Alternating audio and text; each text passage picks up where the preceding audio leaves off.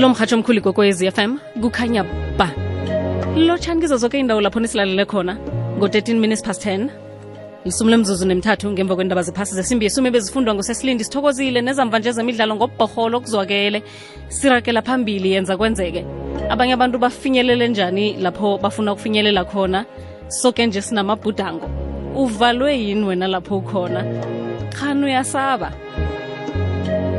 saba ukuthi uza kubhalelwa saba ukuhluleka endleleni.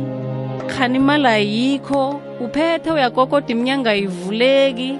Bobani kana baphumelela kwabo? Baphumelela njani? Ngikho senza ihlelo elithi yenza kwenzeke kuleli ihlelo elithi ngimi nawe. Ukuhamba nobusayi vane sifuna ukubuza abantu ukuthi wenze njani? Kwenzeka wembe mgodi muphi wena kanti? Ngoba basho azembiwa mgodi munye. Sifuna ukwazi la ukuhamba khona nathi sikwazi ukuhamba lapho. Namhlanje sike siphethe uma ongisomabhizinisi usesimalindi mthweni. Khasitshele ukuthi eh ufinyelele njani ekutheni abe sebhizinisini akiyo? Yokuthi athintanise imphakathi eh nalabo abafuna ukusebenzela imphakathi uzasitshela-ke ukuthi hlangana nokhunye yini akwenzako uhleli kuphi namkhana wenzani ukuthi afinyelele lapha khona? Namhlanje sesilindi lotshani hayi bucayi kunjani? Kukhanya ba kunjani lapho ukhona? Ha kukhanya ba. Sifuna ukwazi ukuthi ukuhamba kiphi nyanga? Sifuna ukuhamba kile okuhamba kiyo le nawe kunenyanga eyi-one emhlabeni. Ujehova ikugega kuyikhenye inyanga nengomi yasho woright kho sitshele ngosesimalindi mthweni kafishazana ubuyaphi uhlalaphi? Eh igama lami ngulindiwe kamthweni ngokubeletha ngibelethele ephola i-ohisi eh manje ngihlala evetbank emalahleni. Alright ngenephi isikolo isikolo ngingene esukumani ku-primary school yami lapha ngephola. Mhm. Ngaqhubeka ngafunda ethuthukani. From ethuthukani ngafunda emabande high school and ngacomplete emehlwana ugrade 12 wami Alright. bese wabana nalapho utshinga khona-ke ngemva kometric mhlawumbe bowunebhudango bekungelokwenzani na usafundako? Eh ibhudango enginalo ebenginenalo mhathi ukuthi ngangifuna ukufunda ngifuna ukuba udokotela. But ngesizathu sokuthi mhlambe ekhaya la ngikhule khona umzali ongikhulisile bekasebenza yedwa uma asebenza ema emakhuweni mm. yabo so kwaba nzima kakhulu ukuthi ibhudango lami ngisesesikoleni ngilifeze but-ke into engayenza ngoba ngangiyi-activist ye-anc youth league Mm. ngaleso sikhathi ngangiparticipate kuma-structures okuthiwa yi-cosas ngiparticipate ku-anc ngajoyina ngaba yi-full member ngaparticipate ngaparticipate until la ngikhona ngithola khona ukukhethwa emahlandleni amaningi especially ku-anc youth league um naku-anc yila ngaqala khona i-career yami yila ngazithola khona. La kwatshentsha khona ukuthi no wena ngeke ube ngudokotela mara wena you gonna be a community leader. Wo okay. Kusho ukuthi ngamanye amagama ibhudango lapho okhunye nalingaphumeleliko uh, kutsho ukuthi kuphela kwendlela kunokhunye bowungakwazi ngawo. Yebo kusho ukuthi kuphela komhlaba wena sekuphelile ngawo because kula ngazithola khona kahle ukuthi kahle kahle mina ngumuntu wabantu. Mm. yebo ngakhethwa amahlandla amaningi ngaba u-regional secretary we-anc youth league okokuqala e-south africa and oba womfazi. Okay. Ngaphatha-ke lapho ka-anc youth league abantu abatsha abala ku-region yethu ku-district yethu yo-dr jas muroka yothembisile yomalahleni emakhazeni um victor khanye. Bonke labo masipala bebangaphasi kwami ngisesewunobhala we-anc youth league. Ngithe ngilapho-ke i-anc ihlangano yami engiyithanda kakhulu yangidiploya kamasipala emalahleni ukuthi ngibe yikhansela. From there ngaba yikhansela for iminyaka engu- engu-five. Ngasuke e- e- emalahleni unyaka olandelako ngo-two thousand and five ngajoyina inkangala district. La ngakhethwa khona ukuthi ngibe yikhansela ngibe yimember of-mayoral committee ngisebenzele ikomiti lakameya ngidile nge- ngenkinga or ngama-challenges or ngama-program wabantu abatsha waboma wabantu abadala. Ngangiyimember of mayoral committee responsible for social development. Hmm.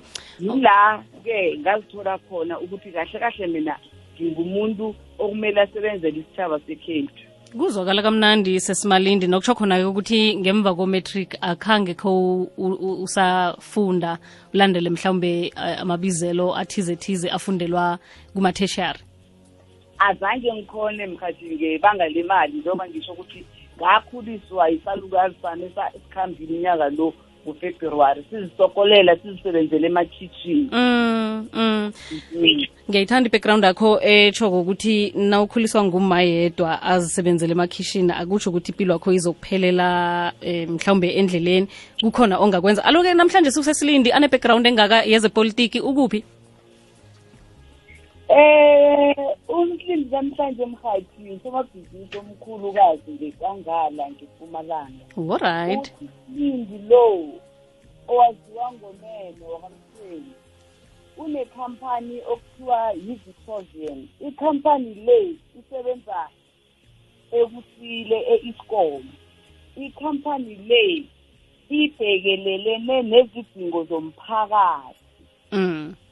ikhampani le iya-communicate between i-escom as a big project esinayo e-south africa esinayo ngenkangala la ngesistrikini ilo i-project le esinayo la emalahleni between emalahleni nevicakanye municipality.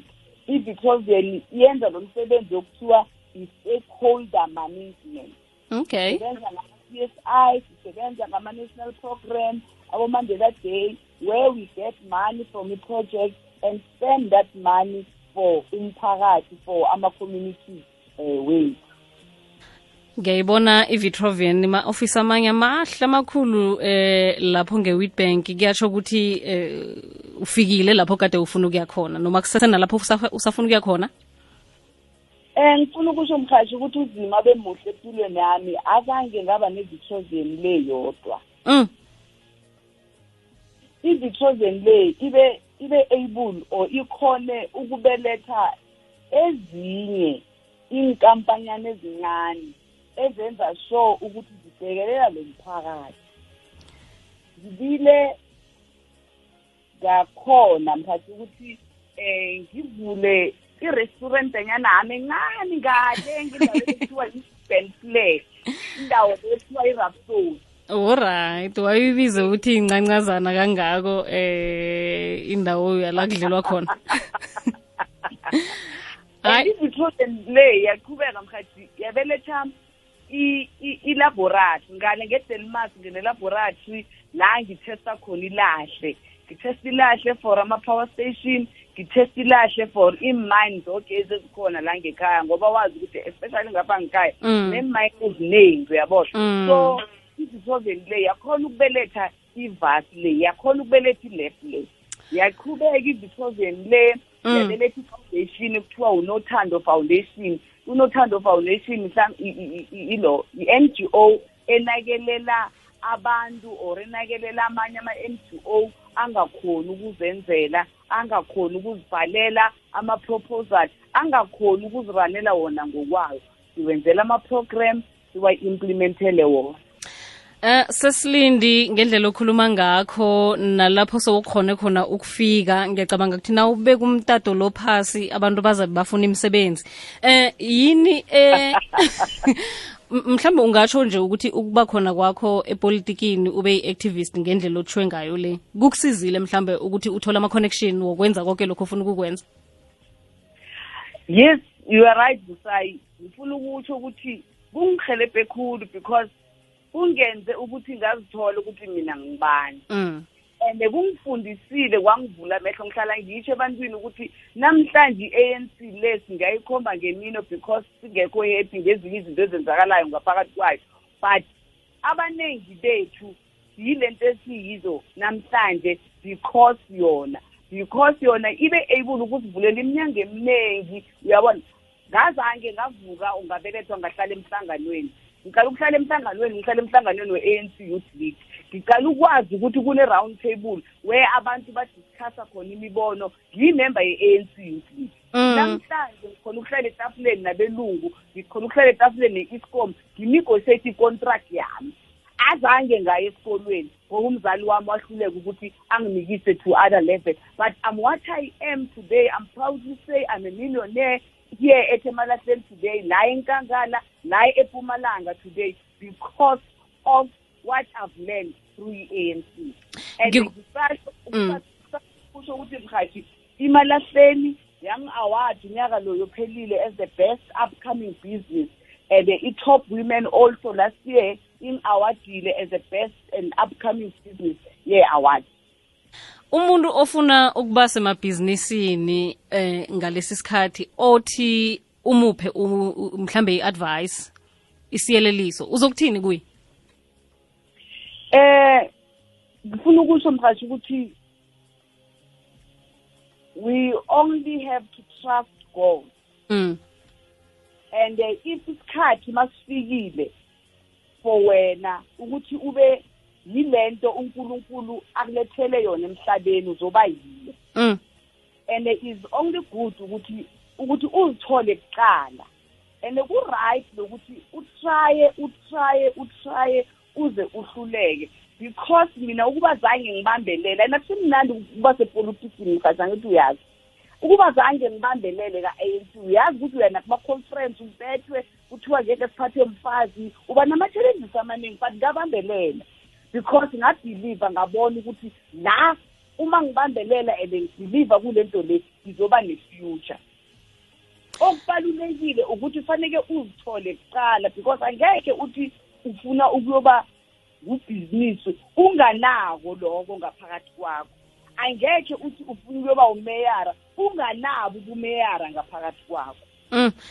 Alo na umuntu asesikhundleni kumbeka ebujameni bokuthi unamandla kangaka angenza nanoma yini eh lapho khunye silawulwe mhlawumbe kuba greedy. Wenze njani ke lapho ungathini nje ukuyelelisa abantu abasenkhundleni eziphezulu ukuthi bakwazi ukuphatha kuhle eh amandla abanawo baphathe kuhle nabantu?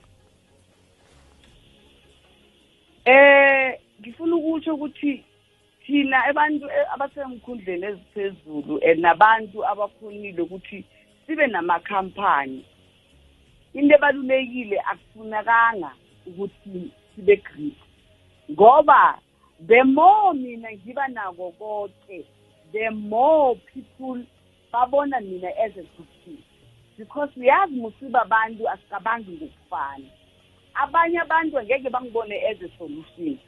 So kuba kuhle ukuthi as much as sithola lamathuba we are able to open amathuba wombereko we are able to open amathuba ukuthi abantu kuzo zona le nkampani zethu bakhone ukwenza imisebenzi ngokwabo. Kuyo yona lezi program engiyo i've got more than 10 service providers. Mm. kunezinye izinto ezikampani le ngingazenza ngingakuhamba mina nge-pick and pay ngiyozithengela ibhonpen but into engiyenzile ngithize let's get a young person lapha esitradini asinikeze iprofile yekhampani yakhe asisaplaye ngama-ballpen nje ukuthi So, u-empower so ukuthi yes we need to make sure ukuthi thina esikhonayo ukwenza senza sure ukuthi sibheka laba abaphasi nabo because lento le faneke ibe yi-pyramid kufaneke ibe yi-stepping khona ubambe mina le phezulu mina ngibamba omunye ngezakhe naloyo ubambe omunye. And lo ubambe ekugcineni uyakhona ukuthi abe able uku-take care of ikhaya lakhe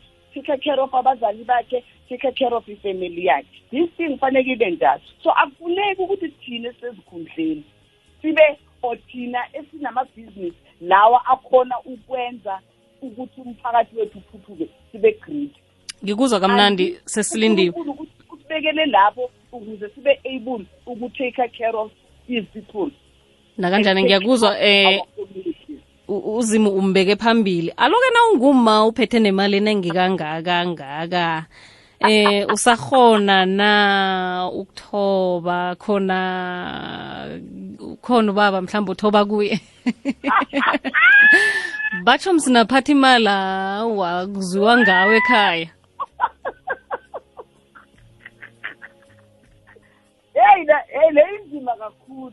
Eh. so eh esontweni la ngisonta khona e-Loudhouse mm. eh umama uhlala ngitshela ukuthi right wathi mntanami lokho susade ngiye ngimtshele ngithi hey mama angazi mina because of i-background yami na. Mm. mina umshado to me now angiwuboni kuyisolution and leso sikhathi ma ngimtshela bengingananex alright ngingananex okay ngimtshela ukuthi ngifuna ukuziprova myself beyond the reasonable doubt I don't know if it was because of my background and me being in the ANC now and in the ANC Youth League. And that is what I am today. It's something that I've said it probably 10 years back, and this is what I am. And usajamile. nginomntazanami yedwa nginamabhizinisi wami wedwa nginabantwana abaningi engibabhekelayo la ngaphandle alright and kunabantu abaningi obachashileko nginabantu abaningi kabi engibaqhathileko fact ngiyabakhohlwa abanye angibazi namagama abanye nenamba ngiyazi. Ngamanye amagama kunemndeni elala idlile ngebanga lakho sesilindi eh ngikuthokozele khulu mina ukuthi sikhulume nawe elangela namhlanje si utsho ukuthi nakanjani kuyenzeka ephasini ukuthi ufinyelele amabhudango akho. Amezwakho wokugcina kiwo woke umuntu okulaleleko esewula afrika nangaphandle kwesewula afrika namhlanje sikhulukhulu ngenyanga yaboma uthini kibo eh engithanda ukukusho mhashi ukuthi eh sibomama amantombazana amancane eh ngifuna ukusho ukuthi with God everything is possible.